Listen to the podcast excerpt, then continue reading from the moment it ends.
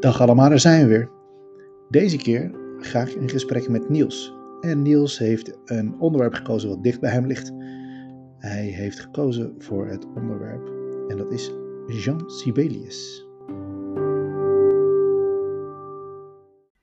We gaan het hebben over Sibelius. Ja, Wat leuk, denk ik. ja, ja, ik vind het wel interessant in ieder geval. Ja, anders had ik het niet gekozen. Nou ja, maar je moet er toch maar zomaar opkomen, bijkomen, dat je dit wil. Hoe ben je er weggegaan? Het is niet heel standaard of zo. Nou, Eerst dacht er ik, allemaal popdingen en... eh, ja, eerst wilde ik dus ook zoiets gaan doen. Maar toen dacht ik van, nou ja, dat is misschien een be- een beetje typisch of zo. Of dat is, dan ga ik allemaal dingen vertellen die, die u misschien al weet. Dus toen had ik gewoon zo'n lijst op een of andere site van tien soort van belangrijke dingen die componisten hebben gedaan of zo. Ja.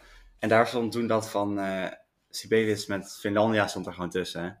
En ik kende ook al zijn vioolconcert, wat ik heel mooi vond. En ik speel ook veel, dus dat had ook wel een beetje. Ja. Dus toen dacht ik van, oh ja, dat is wel interessant. En ik wist toen ook al dat ik naar Finland zou gaan. Dus ik dacht van, ja, Ja. dat is wel passend, zeg maar. Wat voor onze onwetende luisteraar, wat heb jij in Finland gedaan dan? Eh, de Jet-uitwisseling. Dus Oh ja. twee weken theaterproject eigenlijk. Ja.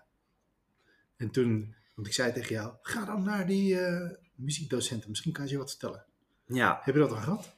Of helemaal niet? Ja, eh, nou ja, wel ook wat dingen die ik al wist. Maar ze vertelde me wel dat toen Sibelius, dus na zijn tweede symfonie en na Finlandia, toen had hij eigenlijk al allemaal stukken geschreven die gebaseerd waren op de mythe en meer nationalistisch waren. Mhm. Daarna, ook vooral bij zijn vierde symfonie, die was heel duister en een beetje, ja, al wat abstracter en al, nou, nog niet atonaal, maar daar begon hij voor zijn doen toen heel, opeens heel erg naartoe te werken. En toen was het soort van grote publiek in Finland eigenlijk al een beetje klaar met hem. Afgehaakt. Ja, toen dachten Ja. ze van, wat ben jij nou aan het doen? Eerst schreef je van die leuke dingen waardoor wij eh ten strijde trekken met de Russen, zeg maar, bij wijze van spreken. En nu komt er opeens zoiets duisters, raar, met thema's die nauwelijks te herkennen zijn in de muziek. En Ja. toen, er was dus ook een andere Finse componist, vertelde zij dus, Mary Kanto heette die volgens mij. En die schreef dus eigenlijk meer de leuke pianodeuntjes, zeg maar. Dus wat meer de volksmuziekachtige. En daar hield ze dus veel meer van. Populairder. eh. Ja, Heb je een idee waarom die die kant op is gegaan? Nou, ik denk omdat hij... Hij werd toen natuurlijk ook ouder. En eerst had hij... Hij is dus, was geboren in volgens mij 1865. Dus ja... Dus nou ja, dat is nog een beetje de tijd van de romantiek. En ik denk dat hij uiteindelijk gewoon daar meer... eh, als hij zeg maar zelf meer schrijft, dat hij gewoon zijn stijl verandert. Dat hij meer nieuwe dingen wilt gaan doen. In plaats van heel erg in die beetje oude traditie toen blijft schrijven. Ja. Want toen had je natuurlijk ook wel andere componisten. Ja, dat was nog iets later, maar die begonnen ook echt al die seriële muziek en die atonale muziek. En ik denk dat hij, ja, niet daarin mee, maar ik denk dat hij wel iets wilde vernieuwen. Wel een beetje een randje, hè? Want, eh, Ja. Wanneer is die overleden? Eh 1957. Ja. Maar hij heeft dus de laatste 30 jaar van zijn leven heeft hij dus bijna niks geschreven. Dus dat is ook heel raar. Want dat was wel toen er bij andere componisten heel veel veranderde. En toen heeft hij niks meer geschreven. Dus er zijn, niemand weet ook echt waarom. Er zijn, zijn brieven die hij altijd schreef en andere die ze dus uitgeven in een boek. Ja. Maar daar heeft hij het niet echt over waarom hij dat dan dus deed. Maar Heb, je, heb je zelf een idee of niet? nou ja, ik weet niet echt. Ik kan natuurlijk niet voor hem zeggen of hij wel of niet mee zou kunnen in die nieuwe stijl. Maar hij was dus super perfectionistisch. Mhm. En ook heel kritisch, want het vioolconcert heeft hij wordt ook drie keer aangepast. Dus dan haalde hij weer 40 maten weg en dan kwamen er 10 maten bij en dan was de melodie weer anders. En ik denk, want hij had toen zijn zevende symfonie geschreven. En die was wel heel apart, want die had niet vier delen, maar maar één deel. Dat was toen heel vernieuwend. En is, wa- wat is daar gek aan? Want, nou, normaal is een symfonie in vier delen. Ja. En dan heeft elk deel heeft heel duidelijk zijn eigen, zijn eigen functie, zijn eigen tempo. Ja. En ja, hij, hij wilde dat dus eh, niet doen. Hij had ook een keer een gesprek met Mahler, dat is ook opgeschreven. En Mahler zei eigenlijk dat de symfonie, daar zou eigenlijk alles in moeten zitten van de wereld. En dan moet je alles combineren en iets groots maken. En Sibelius wilde het juist een soort van simpel houden. En daarom deed hij dus al die delen soort van bij elkaar. Want dat stuk wisselt wel vaak van tempo en een beetje van ja, sfeer, klankkleur soort van. Dus het is wel duidelijk dat er nog iets van die vier delen in zitten. Ja. Maar dat had hij dus gedaan. En dat was toen dus heel vernieuwend. Dus ik denk dat het daarna ook misschien een beetje gewoon op was, zeg maar, om dan weer iets vernieuwends te maken. Want ik denk als hij zo perfectionistisch is, dan wil hij niet iets vernieuwends maken en dan vervolgens de achtste symfonie gewoon weer iets simpel schrijven. Nee, nee, maar, iets... eh, oh ja, maar dit kan ik ook nog. Dit ja, zo'n leuk deuntje kan ik ook maken. Maar is hij... ehm, eh, wat heeft hij de laatste jaren gedaan dan? Een beetje rentenier of zo? Eh, nou ja, hij was dus eerst toen hij, weet je, tussen 19, 1900 en 1915 of zo, toen zat hij dus altijd te feesten in, in Helsinki. En dan drinken en eten en daar zat hij ook altijd mee in de schulden. En dat werd alweer minder in 1905, want toen hadden ze een soort van eh, huis laten bouwen buiten Helsinki. Dus dan zou hij in ieder geval soms weg zijn van al die dingen. Ja. Maar toen in de laatste 30 jaar, toen ja, hij was wel rijk en populair. Dus hij kreeg nog wel af en toe gewoon bezoek van de president, dat soort dingen. Maar wat hij echt heeft gedaan is een beetje onbekend. Hij heeft nog een paar stukken geschreven. En dat is heel apart. Sommige dingen daarvan zijn voor de vrijmetselaarsloge. Dat is, ja, Ja, wat- ja, is dat? ja, nou ja, in, ik, ik weet niet precies hoe dat in het echt is. Maar in films zijn dat altijd van die mensen die een beetje, ja, niet een cult, maar gewoon Nou, het is, een beetje je, je een soort van zomaar, secte. je komt Ja, daar niet zomaar bij. ja, dat, dat, ja, ja, precies. En in elke grote stad zit wel een... eh, Ja, hij schreef En, dus voor die van Finland dan. Hij was dan in Helsinki, schreef hij dingen voor. En ja, soms waren dat wel nieuwe dingen, maar het waren ook vaak gewoon weer bewerkte dingen van vroeger die hij dan weer had aangepast. Ja. En- Wel grappig. Ik vind het wel grappig als je zo'n vrijmetselaar, daar hangt altijd een soort zweem van mysterie omheen. Ja, En het feit dat hij zijn laat, de laatste 30 jaar van zijn leven, niks heeft gedaan, maar daarbij zat, ja. dan denk ik, hè, wel, hoe kan dat nou? Je gaat toch niet 30 jaar lang gewoon, of hij moet echt knijterrijk geweest zijn dat hij gewoon 30 jaar lang zichzelf zijn leven kapot kon drinken of zo. Maar ik vind dat echt wel heel bijzonder. Ja, ik vond het ook wel raar, want hij schijnt dus ook wel echt nog wat, ja, wat kleinere stukjes te hebben geschreven. Dus geen orkestwerken, maar gewoon voor piano bijvoorbeeld. Maar in een van zijn brieven schreef hij daar dan over, die is het horen niet waard, schreef hij dan naar zijn vrouw of zo. Ja. En hij heeft ook, hij was dus nog wel bezig aan de achtste symfonie.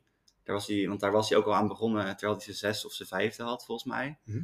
Dus dat deed hij dan tegelijkertijd. Maar die heeft hij uiteindelijk gewoon verbrand in de open haard. Gewoon alle manuscripten was hij gewoon klaar mee. En heeft hij dus, een beetje dramatisch wel, maar heeft hij het gewoon allemaal eh, weggegooid. En volgens mij had hij zelfs tegen zijn vrouw gezegd van ja, als ik overlijd, dan moet je alle, alle sketches en alle beginnetjes van nieuwe stukken, die moet je wegdoen. Gewoon weggooien. Want eh, dus ik denk dat hij gewoon niet, dat als hij zo kritisch is, wil hij niet dat hij denkt van oh, het is slecht. En dat mensen dan zien, oh, dit is het laatste Ja. stuk van Sibelius. En dan had je die zevende, en nu is er zo'n achtste die zo slecht is. Ja.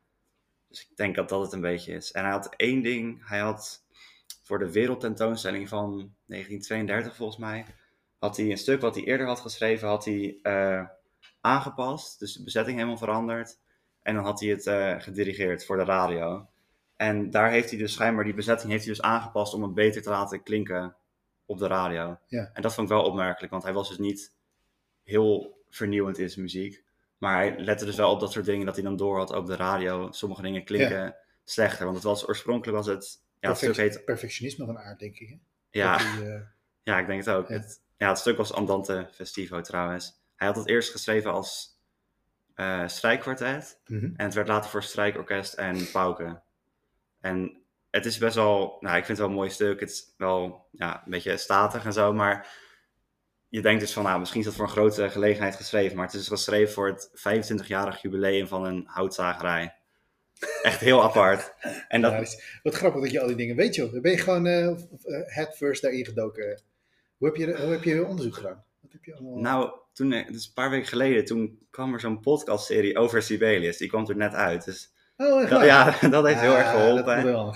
En dan ja, gewoon Gewoon dingen googlen en YouTube-video's. Ja, van Radio 4 volgens mij. Oh, ja, cool, leuk. Ze hebben wel toffe dingen ook, hè? Ja. Ik heb ook een podcast van hun geluisterd. Het gaat over eh, klassieke mysteries. ja, daar was ook al, zat hij ook een keer in. Met Ja. de achtste symfonie. Dat hij Ja. het gewoon had verbrand, ja. Ja, grappig, hè? Bijzondere kerel. hey, ehm, je tipt het al aan. Er zijn de bekendste stukjes Finlandia waarschijnlijk, Ja, denk ik. Wat is dat voor werk? ja dat is... eh, ja, het wordt omschreven op internet als een symfonisch gedicht, soort Ja. van. Ja. En het is eigenlijk gewoon een stuk voor een orkest. eh, geen symfonie, ook niet met solisten. Eh, het was geschreven voor een soort van, nou niet protest, maar dat was stiekem wel tegen, weet je, dat Rusland die begon zeg maar steeds meer eh, dingen in Finland in te perken. Ja. En toen had hij dat, dus dat stuk geschreven als protest wel. En dan was het op een ja, soort van concert voor het goede doel, om dan die mensen die bij de krant die niet meer mocht ontslagen worden, daar zouden ze dan geld voor verdienen. Nou, en dan had hij dus dat stuk geschreven. En nou ja, de titel sowieso, Finlandia. Eerst was het uh, Finland staat op of zo, was dan de eerste titel. Dat mocht niet van de Russen, dat is ook niet gek. En ja, het zit ook wel heel erg in dat stuk, want het begint hier al best bombastisch. En ja, zo gaat het ook wel door. En uiteindelijk zit er een soort van ja, hymne gedeelte in. En dat is dus vooral heel bekend geworden door. Het is uiteindelijk ook Finse tekst opgezet en zo. Ja. Ook al wilde Sibelius dat zelf niet. Ja. Dat had hij ook gezegd in een van zijn brieven. Hij zei van, maar ja, als de wereld het wil, dan mag de wereld het doen. dus ja, daar was hij dan iets minder nederig wat, wat, is, wat is een symfonisch gedicht? Dat, uh... Ja, ik vond het wel... ik vond het een beetje vaag om daar echt duidelijk dingen over te vinden. Maar volgens mij is het ja, gewoon een werk voor orkest dan. Ja. En dan niet al te lang. Dus volgens mij is Finlandia iets van 13 minuten of zo. En andere stukken van hem zijn dus, of andere symfonische gedichten zijn 20 minuten. En dat drukt dan vaak een uh, gevoel uit. En meestal, of een idee of een verhaal. Meestal hoort daar dan dus ook een beetje, ja, dus een gedicht bij of andere dingen. Meestal hoort er iets van programma muziek bij. Ja. Dus een, een buitenmuzikaal aspect wat genomen ja. wordt en dan uh, ja, uitgedrukt. Ja, en bij Finlandia is dat ook, ja, dus vooral een beetje de historische context. Wat vind je van zijn muziek? Uh, ja, ik vind het wel mooi, maar... Maar? Nou ja, die... Vooral die latere dingen inderdaad. Uh, dus ik denk dan vooral voor ja, de zesde en de zevende symfonie. Het is wel apart, een beetje. Het is soms wel moeilijk uh, om te begrijpen. Bijvoorbeeld ook die, hij had ook nog een laatst symfonisch gedicht, Tapiola. En dat begint dan al gelijk met het thema. En de hele tijd is het gewoon dat thema dat soort van maar doorgaat en maar doorgaat. En het is niet echt doorwerking en dan een slot. Het gaat gewoon een beetje door en dan wordt het veranderd. Het is een beetje, het is wel een beetje vrijer in de vorm. En daardoor is het waarschijnlijk ook wat minder dat het van die losse deuntjes zijn en zo. Ja, ja. Wat, um, hoe zou, ja, even een lastige vraag. Ja. Hoe zou je hem in de muziekgeschiedenis plaatsen? In de zin van, waar, waar komt hij vandaan? In de zin van dat hij uh, door wie is hij beïnvloed, maar heeft hij ook mensen beïnvloed? Of is het juist heel logisch dat hij bijvoorbeeld zo'n stuk als Finlandia heeft geschreven in de tijd waar hij, waar hij in leefde? Ja, ik had het dus gisteren nog zitten opzoeken. Ik vond het wel moeilijk, maar zijn invloed is dus, uh, ja, schijnbaar, dat stond er gewoon Tchaikovsky en Bruckner. Dus nou, dat zijn ook componisten die vooral uit de romantiek komen dus. Mm -hmm. Vind je zijn muziek ook echt romantische muziek? Mm, sommige dingen wel. Het verschilt heel erg. Bijvoorbeeld die tweede symfonie, waar dus ook zo'n nationalistische betekenis aan wordt toegedicht. Dat klinkt wel meer zo. En het vioolconcert heeft ook wel stukken, maar ik vind het niet zo overdreven romantisch als misschien stukken 50 jaar daarvoor of zo. Ja, en wat, wat, uh, wat vind jij dan heel romantisch in hetgeen wat hij... Bijvoorbeeld in zo'n deel van uh, het vioolconcert. Wat vind jij daar dan specifiek romantisch aan? Uh, ja, het vioolconcert heeft gewoon een soort van mooie melodieën die wat, dus wat langer zijn en niet van die simpele soort van recht toe, recht aan melodieën die dan voor de romantiek had. Ja, zo lang uitgerekte melodieën. Ja. En, en qua, uh, qua akkoordprogressies? Uh, dus was het heel eenvoudig of juist ook uh, lang nee, wel uitgesteld? wat ingewikkelder volgens mij. Want ik had zo'n podcast geluisterd met een soort van analyse over het vioolconcert. En dan zei je dat het, zeg maar, die viool, het, solist speelt dan best in nog een soort van een beetje traditioneel romantische stijl. Maar het orkest heeft dan soms, als het uh, doorwerking is, of als zij zeg maar een tussenspel hebben, dan zit er wel een beetje een vreemde, dissonante akkoorden tussen. Dus het zit een, zijn stijl is denk ik een beetje een mix van het moderne en de ja. romantiek. En hij was dan geïnspireerd door uh, ja, dus ook, ook door Tchaikovsky en Bruckner. Maar hij was dus ook, toen hij studeerde aan het conservatorium, was hij ook naar Berlijn en Wenen gegaan. Dus natuurlijk twee grote steden. Ja. En daar vond hij dan de muziek uh, van... Stravinsky misschien? Nee, het was van Beethoven en uh, oh. Wagner. Hm. Dus ja, ja, Wagner, dat is natuurlijk ook een hele nationalistische componist. Ja. En hij had dus in die brieven eerst, want die schreef hij toen al naar zijn vrouw, geschreven dat hij dat super mooi vond. En die, die opera's en echt die grote stukken. En toen een jaar later schreef hij, ik walg ervan. Het is vies, het is overdreven, het is te veel. Dus... Ja, grappig is dat, hè? Dat, zo'n, uh, dat, je, dat een jaar verschil of een jaar studie, dat het hem dan zo eh, anders kan eh, laten kijken naar de muziek. Ja, dus ik denk... En toen, toen werd hij misschien wel fan juist van Beethoven.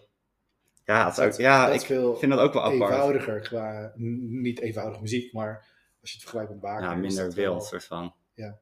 Ja, ik vind het ook wel interessant, want zijn stijl verandert dus ook. En dat zou dus ook kunnen, want ja, als hij van zo in één jaar al zo, zeg maar, wisselt wat hij van Wagner vindt, dat is ook wel gewoon al Ja, apart. ja. Dus dan kan je stijl ook zo veranderen.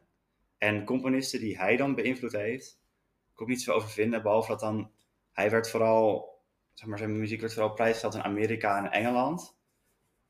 Eh, en dan had ik opgezocht waarom dat dan zo zou zijn. En dat mensen zeggen, ik, vond het, ik weet niet of ik het heel overtuigend vind, dat het misschien is omdat in Duitsland en zo hadden ze natuurlijk al een hele traditie met klassieke muziek. En vooral symfonieën met Beethoven en Mahler, die componisten. En in Engeland was dat nog wat minder. En hij was daar ook, hij was daar een soort van vernieuwend in, zeker met die zevende symfonie. Dus dan konden ze hem als voorbeeld gebruiken in plaats van de hele tijd, zeg maar, die Duitsers. Van eh, welke eh, tijdsperiode heeft hij bijvoorbeeld die, eh, weet ik veel, eh, zijn vijfde symfonie of zo? Eh, Nee, nee, nee, ik bedoel, ik probeer meer de link te leggen naar. er waren natuurlijk heel veel van die grote Duitse componisten. mhm. Wat echt helemaal super hip was toen. Ja, Ehm, maar er zijn best wel wat wereldoorlogen tussendoor komen fietsen. Waar Duitsers misschien niet zo'n super onwijs positieve. Zou, Nee. zou dat er iets mee te maken kunnen hebben? Dat hij. eh, dat, hij dat, ik kan me voorstellen, dat, want hij is in 57 overleden volgens mij. ja, dat Ja. in de periode 40-45, of daarvoor de Eerste Wereldoorlog, dat ze in Amerika dachten, ja, we moeten niks hebben van die Duitse componisten. Oh, er zit er eentje in Finland. Ja, dat is dus wat mensen vooral dachten met de Engelsen. Want die hadden natuurlijk ook genoeg gedoe met de Duitsers. Dus dat zij dan, oh. ja, ja, verrassing. Dus dat zij dan misschien daardoor ook meer naar Sibelius ging kijken. Maar met de Tweede Wereldoorlog zouden Toen schreef hij al niks. toen schreef hij niks. En de Finnen vochten toen ook met de Duitsers. Ja. Dat is, eh, ja, dat is wel even. Die hadden toen eh, de jaar daarvoor twee oorlog gehad met de Sovjet-Unie. Ja. En ze gingen toen met de Duitsers eigenlijk samenwerken zodat ze die gebieden weer kunnen terugveroveren. Ja. Dat is ja, heel apart met die Wist je dat oorlogen. trouwens? Wist je dat Ik wist dat niet voordat ik het had opgezocht. Ik wist wel dat ze oorlog hadden gehad met de Sovjet-Unie twee Ja. keer. En, maar dat van Duitsland, dat wist ik nog niet. Nee. En toen vervolgens hebben ze ook weer met, tegen de Duitsers moeten vechten. Want ze hadden een vredesverdrag met de Sovjet-Unie. Die zei toen van, ja, Duitsers eruit. Ja. Dus toen hebben ze helemaal vanuit Lapland, zeg maar, het land uit moeten Ja. dringen. Maar bizar, hè? maar juist nu ook. Nu is het best wel eh, actueel. Ja, Ik, ehm, toen ik bij jullie op bezoek was in Finland, toen heb ik een tijdje zitten praten met een docenten. En eh, zij zei ook eh, dat het nou, niet per se spannend was, maar dat het wel even een herinnering was. wat oude wonden openhaalde. In de zin Ja, van, dat hoorde ik ook wel, ja. Ja, zij zegt ja, weet je, als, die, eh, als ze nu opeens Oekraïne binnenvallen onder het mom van dat was ooit Rusland, dan kunnen ze ook best denken. Weet je, want zij, Ja. zij hebben natuurlijk ook nooit bij de, bij de NAVO gemogen, ehm, omdat ze een soort buffer waren tussen. Ja, ze hadden afspraken gemaakt met Rusland van dit gaan we wel en niet doen. En Ja. daardoor mochten ze onafhankelijk blijven. Ja, dat was ook wel... Ja, ik hoorde daar toen ook over. Maar de gebieden die dus, zeg maar, traditioneel dan bij Finland hoorden, bijvoorbeeld een daarvan is Karelië. Dat heeft Rusland nog steeds. Ja. Dus zij zouden daar dan misschien minder voor hebben. Maar dat gebeurde wel allemaal terwijl Sibelius leefde ook. Ja. Want hij had de Karela-suite geschreven. En was naar dat gebied gaan op huwelijksreis met zijn vrouw. En dat gebied is dus later gewoon weer helemaal ingepikt door de Russen. Ja. En hij moest ook een paar keer, moesten ze zeg maar hun huis uit, omdat het eh, te dicht in de buurt van de stad was met de oorlog en zo. Ja. Dus ja, hè? dat heeft wel uitgemaakt in zijn leven. En hij zou een enorme Amerikaanse tour krijgen, zou hij vlak voor de Eerste Wereldoorlog. En eh, dat zou hem echt veel geld opleveren. En hij had van tevoren natuurlijk al wat van het geld uitgegeven. Eh, En toen ging dat niet door. Want eh, ja, Eerste Wereldoorlog en daar lagen al die Duitse onderzeeërs. Dus kan je niet even naar Amerika. en weer. Ja. Ja. En toen eh, had hij dus in een van die brieven had hij iets geschreven van, nou ja, nu is er oorlog en nu zit ik de hele tijd binnen in mijn huis pianostukjes te schrijven. Dit kan toch niet? Wat een zonde, zei hij. Want hij zou dan ook daar, zeg maar, stukken voor orkest gaan schrijven. Ja, En dan zat hij thuis, zat hij dan een piano-serie te maken over bomen. ja, hij Ja, eh, een bijzondere kerel, Ja, toch? Ja, leuk. Eh, zijn er nog dingen die je tegen bent gekomen waarvan je zegt, oh, daar moet ik het nog wel even over hebben? Want je, je weet echt een, super, een hoop over, vind ik heel tof. Je kan het ook goed plaatsen in de tijd, in de zin van dat je weet waar het vandaan komt en nou, wat kenmerkend is aan zijn, eh, aan zijn stijl. Of heeft hij een specifiek, want het is natuurlijk echt een heel een romantisch componist, met misschien een beetje... eh, ja een Eh, beetje tussenin. hè. tussenin, ja. Dus vanuit dat, dat nationalistisch schrijven, laat maar zeggen, en het eh, richting eh 20e eeuwse muziek. Eh, eh, nou, heeft hij echt atonale muziek geschreven ook? Nee, eigenlijk niet. Eén stukje, dat was ook een van zijn laatste werken, volgens mij 1926. Toen moest hij in Stockholm moest hij de theatermuziek schrijven voor The Tempest van Shakespeare. En daar in de, de opening zit wel een stukje dat als dan die storm voorbij komt. En dat klinkt al een beetje atonaal. Maar ja, dan vervolgens zit er weer een, een soort van dansgedeelte in die muziek. Ja. En dat was zelfs voor zijn tijd al afbollig. Dus Ja, ja. Het, ja, het is gewoon een beetje... Hilarisch. Maar hoe zou je zijn stijl, stel dat je zijn stijl zou moeten beschrijven. Of als je, nee, dat moet ik anders vragen. Kan jij zijn, als ik een muziekstuk opzet, kan jij dat dan herkennen? Dat je zegt, oh, dit is Sibelius. eh, ik- hmm, ik weet het niet. Dat vind ik wel... Wat zijn voor jou, wat zijn voor jou heel kenmerkende dingen, eh, herkenbare aspecten binnen zijn composities? eh, ja, dat het een beetje zweverig is soms of zo. Ik vind het moeilijk om precies uit te leggen, maar gewoon, het is niet altijd even duidelijk wat er nou precies in de muziek gebeurt of zo. Soms is het meer, zeker in die symfonische gedichten die hij dan schreef over die Finse verhalen uit bijvoorbeeld de Kalevala, dat is dan hun, zeg maar, nationale boek met mythen en zo. Dat is allemaal, het gaat daar heel erg om zo'n beetje klankkleur en gevoel en sfeer. Ja. En het is, niet, het is nooit echt heel bombastisch of heel groot. Ik vind dat je wel kan horen dat hij violist is van uit. Ja, met het vioolconcert. Ja, dat ik ja, dat is heel erg, ja. Maar ik vind wel dat er, eh, als je, vooral als je van die hele lange, brede melodieën schrijft, Ja, die werken wel goed voor strijkers meestal. Zeker, vind ik wel. En, en ehm, ehm, op een- ik, maar dat, jij bent ook violist, dus jij kan er misschien een beetje over oordelen. Ik vind namelijk dat je wel goed kan horen dat hij heel bewust ehm, bepaalde passages schrijft of een bepaalde toonsoort krijgt, schrijft. eh, als je luistert naar de klankkleur die hij uit specifiek die, dat instrumentgroep, die instrumentgroep haalt. Dus ik vind dat hij wel, ehm, als die eh, nou, hij kan bijvoorbeeld, wat ik heel tof vind van zijn, eh, van zijn stuk, is dat hij wel eens van die hele passages met alleen maar strijkers erin hebt zitten. Ja, Ehm, en dan juist bijvoorbeeld die celli heel hoog schrijft en, zijn, en de violen geen heel laag in het register. Dat, dat het een heel soort close harmony idee krijgt of zo. Eh, ja ik weet wel dat... eh, maar ja, hij was natuurlijk violist. En dat Andante Festivo is natuurlijk een strijkkwartet. ja, En dat past ook wel heel erg bij een strijkkwartet. Dat is ook wel aan de ene kant natuurlijk logisch, maar dat klopt gewoon of zo. Soort Ja. van. Er zitten niet echt rare dingen in. En ik weet ook dat hij zijn laatste symfonie, die had hij geschreven in C major. En ja, schijnbaar zeiden mensen toen allemaal van dat is oud, zeg maar, daar kan je niks interessants meer mee doen. En C major is voor viool wel een soort van fijn om in te spelen. ja, Want je hebt niet rare mollen of zo, hele rare grepen. nee. En ik denk dat, nou, misschien bewust of onbewust, maar ik denk dat hij daar wel heel erg over nadacht. Want hij wilde eerst ook eh, gewoon solist worden. En dat is hem toen uiteindelijk niet gelukt. Eh, want hij begon pas op zijn veertiende echt serieus met spelen. Ja. En hij was veel te zenuwachtig altijd. Dus dat lukte gewoon niet. Maar ik denk wel dat hij dan toch nog manieren zocht om wat er een beetje in kwijt te kunnen. Ja. Ook dat vioolconcert is wel gewoon heel goed. En ook wel met alle technieken voor viool en zo. Bijvoorbeeld het tweede thema is dat is helemaal met dubbelgrepen. En dat is ook wel bijzonder. Want het is wel echt nog gewoon een melodie. Het is niet zoals sommige vioolstukken dat het gewoon is van... Oh, ik kan deze techniek en Ja. dan deze techniek ja, en deze techniek. Daar, daar, past nog, daar past nog een dubbelgreep bij of zo. Ja, dan bij- kunnen we dit nog doen, weet je. Dat is het ook weer niet. Dus het, ja, je merkt altijd gewoon een componist is die viool speelde eerst. Hoe wordt er tegen hem aangekeken vanuit eh, Finland? Vinden ze hem cool? Ja, maar ik, als ik dan... eh nou, die docent vond het natuurlijk superleuk dat ik daarover vroeg. Ja. Maar sommige van die kinderen zeiden van, nou ja, ik heb Finlandia wel zo vaak gehoord, dus de rest hoeft niet echt meer. Oh ja, ja, Dus ja. het is wel, hij is daar natuurlijk echt gewoon een soort van nationaal icoon. Eh, Oh ja, dat dan wel wel.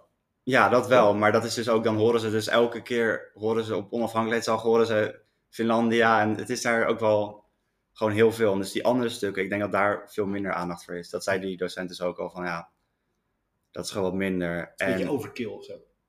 ja, alles is bijvoorbeeld eh, het eh, conservatorium waar hij dan studeerde, was eerst Helsinki Conservatorium, nu is het Sibelius Conservatorium. En in zijn geboortestad staan dan allemaal museums over hem, weet je. Het is wel een beetje uitgemokt of zo, dat ook weer niet, maar zo voelen zij dat misschien. Maar qua muziek is hij wel, zeker voor buitenland denk ik, gewoon de enige grote Finse componist. Ja. En sowieso in dat gebied, ja, of ik weet niet, maar er was volgens mij niet heel veel met klassieke Finland, muziek. Finland is qua oppervlakte wel een groot land, maar qua inwoners valt wel mee, toch? Ja, dat is wel heel klein. En zeg maar, toen, in die tijd, toen werd ook echt gedacht van ja, hoe gaat hij dat nou doen? Want hij is dan, dan werd hij in het land al gezien als een grote componist. Maar ja, hoe kom je dan, zeg maar, kom je dan bij de top in Europa, wat natuurlijk totaal anders is. Ja. Ja. En nou ja, hij had geluk dat hij dan een, eh, hij raakte dus bevriend met een eh eh, Finse dirigent die wel in Europa dirigeerde. En dan een pianist die ook componist en dirigent was, Busoni of zo. En die gingen zijn muziek gewoon een beetje, zeg maar, laten horen dan in Europa. En zo kwam dat dus uiteindelijk. Ja. Dat het ook daar gespeeld wordt. Ja, want in Finland was hij dus wel gewoon dan icoon. En ik vroeg dus ook aan die docent van ja, komt dat dan echt gewoon puur door zijn muziek of vooral door gewoon die historische context? Want zelfs in de tweede symfonie, die hij zonder programma erbij had geschreven, en die hij nog notabene had geschreven in Italië toen hij daar een jaar woonde, daar zagen ze allemaal nationalistische boodschappen in en Ja, ja, ja. allemaal dingen. Die docent zei van ja, misschien was dat dan niet bedoeld, maar toen al die Finnen zagen dat wel zo. Ja. Dus misschien komt het dan niet door zijn muziek en ook gewoon een beetje door de tijdsgeest. Dat vond ik ook wel interessant. Want ja, later toen dat er niet meer was, en toen hij iets abstractere stukken schreef, toen was hij ook al zijn extreme populariteit was hij kwijt. Ja, Dus, ja, ja, ja. Ja. Vond je het leuk om te doen? Onderzoek doen? ja, ik vond het wel moeilijk, maar ik vond het wel interessant. waarom vond je het moeilijk? Eh, ja, gewoon wat voor dingen zoek je dan op? Want Wikipedia geeft wel informatie, maar voor muziek en zo vind ik het toch wat minder. En ik had een goede documentaire en die was toen van YouTube afgehaald. Ja. Had gewoon iemand hem er zelf wat opgezet. Ja, ja, ja. Dus, eh, maar ja, die podcast hielp wel en Ja. het was wel gewoon interessant ook gewoon om die dingen uit te zoeken. Leuk man. Ja, Tof. Ja, dankjewel. Goed.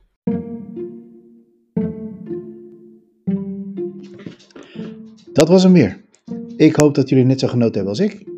En als je op de hoogte wil blijven van alle podcasts, abonneer je dan even. Ik hoor je bij de volgende.